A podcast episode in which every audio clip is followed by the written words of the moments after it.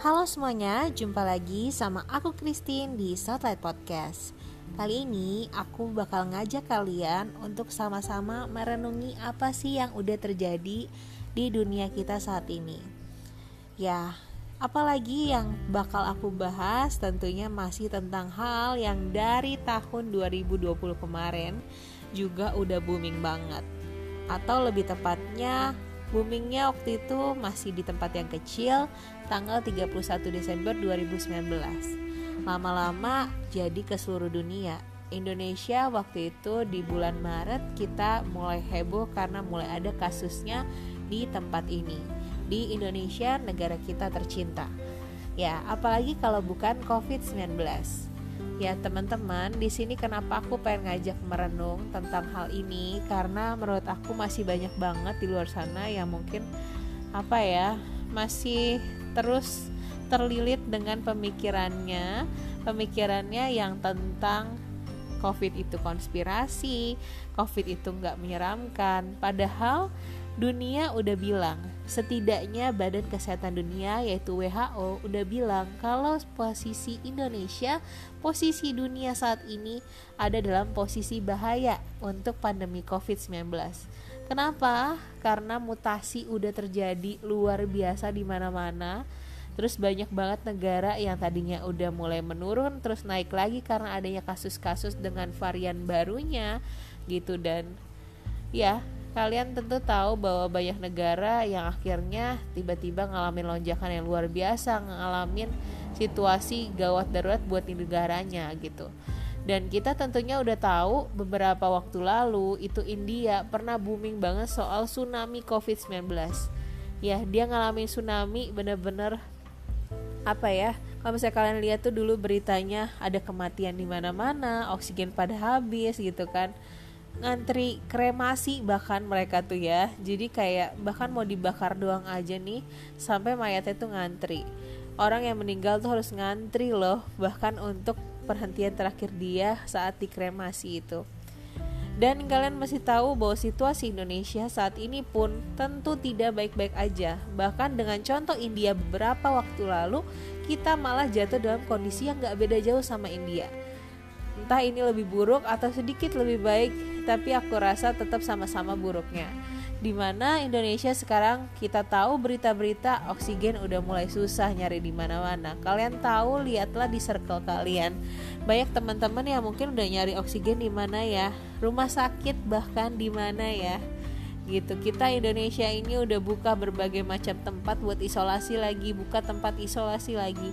Bahkan sekarang peti mati pun udah kehabisan.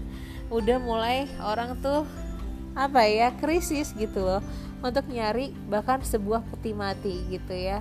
Kalian tahu kalau misalnya kalian lihat belakangan ini ada juga berita tentang TPU tempat pemakaman umum Rorotan di mana banyak banget itu yang nge-share tentang betapa penuhnya tempat pemakaman COVID-19 itu. Padahal baru beberapa waktu aja dia dibuka. Artinya apa? Gitu. Banyak banget orang yang meninggal karena COVID. Nggak perlu kalian jauh-jauh harus cari datanya. Kalian cukup lihat ini media sosial kalian gitu. Ataupun grup WA kalian itu yang biasa jadi sumber informasi entah benar entar salah. Kalian tapi main share-share aja gitu. Kan lihat banyak banget orang di sekitar kita yang semakin dekat ke kita itu yang kena. Mungkin awal-awal tahun kayak aman-aman aja tapi kita ada yang udah waspada atau ada yang tetap ngeyel memang dari awal gitu nggak sebanyak itu. Circle-nya masih luas. Oh, orang yang nggak kenal yang meninggal. Tapi makin lama makin lama makin ke sini makin banyak orang yang kita kenal. Aku rasa untuk kalian pun circle-circle untuk covid itu tuh semakin dekat. Ya contohnya aku kayak dulu tuh nggak ada keluarga aku yang positif. Terus semenjak aku tahun 2021 ini tak kayak bulan Februari gitu orang tua aku kan kena covid ya kan. Terus habis kayak gitu menyusul aku kena covid waktu itu di bulan belakangan ini sih baru sebulan lalu gitu kurang lebih ya. Terus sekarang banyak banget teman-teman aku yang positif gitu. Dan sedih banget teman-teman untuk dengar hal kayak gitu ya untuk tiba-tiba dicet sama orang-orang gitu. Bahkan nih ya kalau misalnya kalian tahu nakes-nakes itu banyak yang tiba-tiba dicat sama temen yang dulu teman SMA teman SMP gitu misalnya. Yang tiba-tiba ngechat karena kita mungkin nge-share nge-share gitu kan ya apa foto-foto waktu kita. Terakhir kali tugas di Wisma Atlet kayak gitu. Banyak yang akhirnya dicat untuk nanyain ya nanya tentang covid karena mereka kena atau saudara mereka kena gitu mungkin awalnya masih teman-teman jauh. Akhirnya sekarang juga makin dekat teman-teman yang dekat teman yang sering ketemu kita di lingkungan kita gitu. Yang buat kita makin lama makin insecure gitu. Apalagi buat para nakes yang tugas tiap hari bolak-balik bolak-balik terus kayak dengar temannya positif tentu akan ada keraguan sendiri buat pulang ke rumah buat bertemu dengan orang rumah buat berinteraksi sama orang-orang yang kita sayangin. Ya terserah sih sebenarnya kalau misalnya orang itu sekarang masih aja udah dua tahun kayak terus-terusan percaya covid itu nggak ada. Tapi nyatanya kalian bisa nggak menyangkal semua hal itu? Mana mungkin sih sebenarnya ya dunia itu satu dunia? Kalau misalnya covid itu konspirasi covid itu cuman kayak bohongan covid itu nggak bahaya. Ngapain seluruh dunia sama-sama khawatir sama-sama berusaha untuk memusnahkan virus ini? Ngapain sama-sama berjuang buat nyiptain vaksin yang bagus buat melindungi masyarakatnya? Kalau misalnya semua ini cuma bercandaan gitu ya. Buat apa negara banyak yang luluh lantang? Buat apa banyak menteri-menteri yang akhirnya ngundurin diri kayak gitu? Karena mereka takut ngadepan ini ngadepin ini dan mereka nggak bisa untuk ngasih yang terbaik ya kayak buat apa gitu loh maksudnya kayak sejauh itu aja kalian mikir aku rasa harusnya kalian udah paham gitu seperti apa yang ada. Kalian mau percaya sama berita mana pun sebenarnya itu memang hak kalian. Iya itu memang hak kalian. Tapi masa kalian gak berpikir lebih jauh kalau terima suatu informasi gitu ya Masa kalian tega-teganya nge-share berita-berita bohong yang meresahkan yang akhirnya berdampak buruk pada orang lain tapi nggak pakai mikir. Aku rasa semua orang pasti punya hati hati nurani. Ya, hati nurani kalian pasti adalah Tuhan yang bisikin kalian bagaimana sih harusnya bertindak yang baik, bagaimana sih harus bertindak yang benar gitu ya. Tapi entah mau dengar atau enggak, memang itu sebenarnya adalah hak kalian. Tapi mau sampai kapan gitu? Ini udah hampir 2 tahun dan kalian masih terus terjebak dengan pikiran-pikiran di mana covid ini gak bahaya. Bahkan ada dulu yang bilang kayak covid itu apanya yang ganas sih? Apanya yang membahayakan? Buktinya gak banyak tuh orang yang meninggal di jalan gak banyak tuh orang yang meninggal di rumah. Kenapa semuanya meninggal di rumah sakit? Gini pemikiran simpelnya adalah kalau misalnya kalian sakit kalian ke mana gitu kan Gak mungkin dong kalian diam aja di rumah kalau kalian bisa pergi ke rumah sakit. Jadi tentu bukan rumah sakit yang sengaja untuk bikin pasien meninggal atau gimana. Tapi karena kalian datangnya ke rumah sakit dan biasanya datang pas sudah parah. Nah terus sekarang kalau misalnya kalian mau pun tetap kekeh, itu kan berarti rumah sakitnya nggak bener bla bla bla bla. Tapi kalian lihat sekarang, kalau misalnya covid itu nggak bahaya, kenapa orang-orang yang isolasi mandiri di rumah bisa banyak yang meninggal? Ada 300-an orang yang meninggal karena isoman di rumah karena tiba-tiba happy hipoksia itu. Di mana dia kelihatan baik-baik aja tapi ternyata saturasinya turun. Banyak banget itu yang terjadi sekarang orang-orang saturasinya rendah-rendah banget dengan varian-varian baru yang udah bermunculan ini gitu. Jadi sekarang pun ngerawat pasien insecure gak sih? Kalau misalnya kalian covid di rumah tapi nggak punya alat-alat yang mencukupi gitu. Dan jahatnya lagi kenapa bisa-bisanya orang-orang ada yang jual oksigen dengan harga mahal sampai 7 juta setengah jual obat-obatan covid dia timbun sendiri dia jual lagi dengan harga yang mahal. Hey ini tuh bukan saatnya kayak gitu gitu loh. Ini tuh adalah saat-saat pandemi di mana semua orang tuh sama-sama susah. Kalau misalnya kalian bilang nafas itu nggak susah kan banyak pasiennya banyak uangnya. Kata siapa? Covid ini kan gratis ya teman-teman obat-obatnya. Terus kita pun juga nih ya untuk para nakes itu sekarang kerjanya double gajinya mah sama aja gitu sekarang kerjaannya selain pelayanan juga harus vaksinasi juga bahkan Sabtu Minggu nggak elak untuk kita relakan buat kita melayani masyarakat gitu Padahal kita sama-sama punya keluarga, sama-sama kok kita pengen di rumah aja sebenarnya. Kalau kalian pengen gantiin kita tuh seneng banget. Iya, beneran. Aku tuh pengen banget di rumah aja, nggak usah pergi-pergi resah pulang mandi dulu baru bisa minum baru bisa makan yang lain gitu. Karena saking takutnya nggak berani minum makan di luar. Kayak gitu teman-teman. Jadi ya kalian mau sampai kapan lah untuk hal-hal kayak gini ya? Nakes tuh bahkan ya banyak kan beritanya. Insentifnya nggak turun-turun ya itu memang kenyataannya gitu loh kan bilang insentif kan dapat tuh tambahan. Ya udah tambahan tapi kita tetap milih untuk bisa di rumah ya enakan di rumah aja lagi. Siapa sih yang mau tiap hari kerjanya meregang nyawa ketemu pasien-pasien yang mungkin positif mungkin enggak gitu? Kalau misalnya kita lengah kita juga bisa kena gitu kan. Pas sudah kena isolasi. Isolasi tuh gak enak banget. Kalian bisa dengar cerita aku yang aku udah sharing tentang gini rasanya jadi pejuang negatif ya. Jadi bener-bener deh teman-teman. Gak ada enak-enaknya situasi kayak gini tuh sama-sama susah. Nakes itu nggak suka juga kalau misalnya pasiennya banyak membludak sampai nggak bisa ditanganin. Ya kan? Gitu. Kalian sama aja kayak kalian buka bakery. Bakery kalian laku banget. Tapi ada saatnya kalian tuh laku banget sampai banyak banget orangnya itu semeraut. Terus udah gitu kalian yang harus ngurusin semuanya harus dibikin semua kuenya.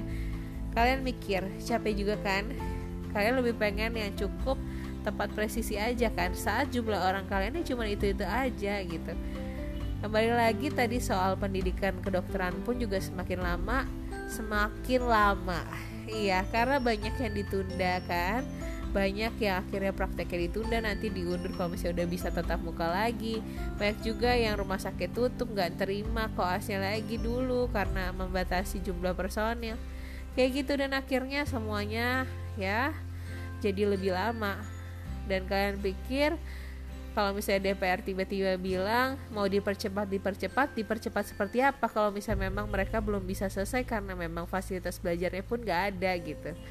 Dan kalian memangnya pikir kalau misalnya dokter itu asal jadi kan nggak juga. Ada banyak tesnya ada banyak kualifikasinya. Agar yang melayani kalian itu bukan orang yang asal-asalan aja gitu. Bahkan setelah jadi dokter pun dokter harus wajib untuk tetap belajar untuk update apalagi dengan situasi yang kayak gini di mana covid itu adalah hal yang baru yang terus berkembang yang terus diteliti. Kayak gitu teman-teman. Dan kembali lagi tadi udah aku sharingkan ya sekarang saatnya untuk kita saling peduli. Setidaknya peduli pada diri kalian sendiri pada orang-orang sekitar kita yang semakin lama semakin terancam sama si covid-19 ini gitu. Iya dengan cara apa? Ya protokol kesehatan aja. Pakai masker tuh nggak akan bikin kalian sesak dan mati. Lebih sesak dan bikin mati itu kalau misalnya kalian kena covid. Lepas tuh masker. Tiba-tiba kalian nggak beruntung. Kena yang berat. Atau mungkin kalian baik-baik aja cuman yang ringan-ringan aja gejalanya. Terus kalian tularkan ke orang-orang di sekitar kalian yang lebih rentan. Yang nggak punya kesehatan yang sekuat kalian. Orang tua kalian kakek nenek kalian ataupun bayi-bayi kecil itu. Yang katanya lebih ringan padahal ternyata Indonesia pun punya kasus kematian tertinggi anak di dunia. Kayak gitu teman-teman. Jadi Setidaknya pedulilah pada diri kalian dan juga orang di sekitar kalian. Kalau kalian pengen egois untuk nggak peduli sama orang lain, setidaknya kan kalian bisa melindungi diri kalian dan orang di sekitar kalian gitu loh maksud aku. Memangnya kalian gak sayang sama keluarga kalian, gak sayang sama diri kalian kalau kena covid terus meninggal padahal masih banyak cita-cita yang kalian ingin capai, ya kan? Masih banyak anak-anak kecil di luar sana yang belum sempat ulang tahun kelima, ulang tahun kedua, ulang tahun yang bahkan pertama pun yang ternyata akhirnya harus meninggal. Kalian tahu untuk di swab itu kan gak enak ya. Kalau misalnya teman-teman pasti banyak di antara kalian yang udah di swab. Kalian kebayang gak nge-swab bayi yang masih kecil gitu udah harus dicolok-colok kayak kalian? itu baru di swab ya doang karena dia terpapar harus dicek terus gimana nasibnya harus minum obat-obatan segala macem terus harus ngerasain sesek dan harus meninggal padahal mereka bahkan belum bisa mikir untuk punya cita-cita apa. Kayak gitu teman-teman. Jadi kayak aku pengen ngajak kita merenung sama-sama bahwa dunia itu nggak lagi baik-baik aja. Ayo yuk kita lebih peduli sama orang sekitar kita sama diri kita ya kalau bagus kalian punya pemikiran yang baik yang kalian mau mendengarkan hati nurani kalian pedulilah dengan orang-orang di sekitar kalian yang mungkin gak kalian kenal tapi gak seberuntung kalian. Kayak gitu. Orang tua bukan orang tua kalian tapi orang tua teman kalian orang tua keluarga kalian yang keluarga jauh gitu tetap aja kan itu adalah sebuah nyawa. Setiap nyawa itu berharga. Kalau misalnya kalian lihat juga banyak sekarang sharing-sharing dari orang-orang yang petugas kubur. Betapa sedihnya mereka setiap hari harus nguburin orang yang karena covid gitu. Orang dibilang setiap hari ngelihat ada kematian pun saat ngelihat banyak banget kematian tentu mereka juga akan ada rasa takut. Takut mereka juga meninggal kayak gitu. Dan juga ada kesedihan yang tentunya pasti akan bertumpuk bertumpuk dan akan mental orang gitu. Karena nggak ada yang suka untuk ngelihat kematian orang yang begitu banyaknya. Kecuali dia benar-benar psikopat dan psikopat pun aku rasa pada satu titik dia akan merasa kalau banyak banget dan dia tentunya nggak akan melukai orang yang dia sayang kan? Kayak gitu. Jadi ya lagi-lagi teman-teman cuman pengen sharing aja cuman pengen ngajak merenung sebenarnya Indonesia itu ada di posisi seperti apa. Kalau dari aku sendiri aku merasa bahwa ya sekarang situasinya situasinya memang gak baik-baik aja gitu dan udah sampai titik di mana sebenarnya bingung harus ngapain lagi sih. Karena mau diedukasi sepanjang apa pun kayak misalnya banyak dokter-dokter yang bikin edukasi untuk memperingatkan orang-orang tapi nyatanya lama-lama mulai lelah. Lama-lama mulai capek yang ngerti sih makin ngerti yang nggak ngerti nggak pengen ngerti ya udah selamanya dia akan terjebak dalam pemikirannya aja tapi di sini aku juga pengen ngajakin si teman-teman kemarin abis uh, lihat sebuah postingan gitu di mana ada nakes yang ngeluh pengen rasanya egois aja pulang kampung nggak melayani lagi terus dia ngobrol sama Tuhan. Ya Tuhan bilang jangan menyerah gitu. Masih banyak orang yang berjuang sama-sama kita. Kalau misalnya kalian termasuk dalam orang yang masih egois yuk aku ajak untuk kita sama-sama buka hati sama-sama memikirkan tentang keadaan yang gak baik-baik aja ini. Tapi kalau misalnya kalian adalah orang yang sama-sama merasakan bahwa udah capek banget capek banget sampai rasanya sedih banget tiap hari ngelihat berita duka aku juga ngajakin kalian untuk yuk tetap semangat. Yuk kita sama-sama kita nggak sendiri kita punya masih banyak orang yang masih mau berjuang untuk menangani pandemi ini. Yuk kita sama-sama doain agar pandemi ini selesai. Dan yang penting adalah yuk kita juga tetap mendoakan orang-orang yang gak percaya Orang-orang yang masih terjebak dalam kesesatan mereka Untuk diketuk hatinya, untuk dibukakan hatinya Agar mereka sama-sama bisa berperang bersama kita Karena situasi saat ini bukan situasi di mana kita bisa menang sendiri. Situasi di mana kita bisa egois sendiri jadi kita aman sendiri. Karena nyatanya kita tetap akan ketemu banyak orang yang entah itu membahayakan atau tidak bagi kita. Dan corona itu musuh kita bersama. Mau dia konspirasi atau enggak nyatanya sekarang dia udah menjajah manusia dengan luar biasanya. Udah saatnya kita usir dia pergi. Udah saatnya kita untuk menangani ini dengan serius gitu. Jangan setengah-setengah lagi dan jangan juga meremeh-remehkan gitu. Ya kalaupun ini adalah usaha jat dari seseorang usaha jat dari beberapa orang ya kalian masa membiarkan diri kalian dijahatin gitu aja. Jadi yuk kita sama-sama corona musuh kita bersama kita bisa untuk memberantas covid-19 ini ya. Tetap patuhi protokol kesehatan memakai masker. Nah kalau sekarang udah dianjurkan masker double ya Terus juga kalian harus mencuci tangan, menjaga jarak, menghindari kerumunan dan juga menghindari ruang tertutup nih teman-teman. Jadi sirkulasi tetap dibuka itu yang juga sering dilupakan sama orang-orang. Dan jangan lupa jangan pernah takut untuk pergi ke dokter. Kalau kalian punya penyakit komorbid yang harus dikontrol terus-terusan, darah tinggi, kencing manis itu ya udah kontrol dengan protokol kesehatan yang kalian terapkan dengan baik waktu di sana pulang ke rumah nanti dicuci semua bajunya mandi dulu sikat gigi dulu. Nah kayak gitu gitu. Jangan sampai kalian terikat sama bahaya-bahaya lain karena kalian gak mau kontrol karena takut ke rumah sakit. Dan kalau kalian punya gejala yang mengarah kepada covid jangan takut untuk di swab lebih baik kalian tahu kalian tuh sakit apa daripada kalian terus terombang ambing tiba-tiba kalian mengalami situasi yang buruk nggak ada yang tahu nggak ada yang nolong. Dan sekarang ya aku pengen kasih tahu kalau untuk PCR aja itu di DKI Jakarta bisa nunggu 5 sampai 6 hari gitu ya.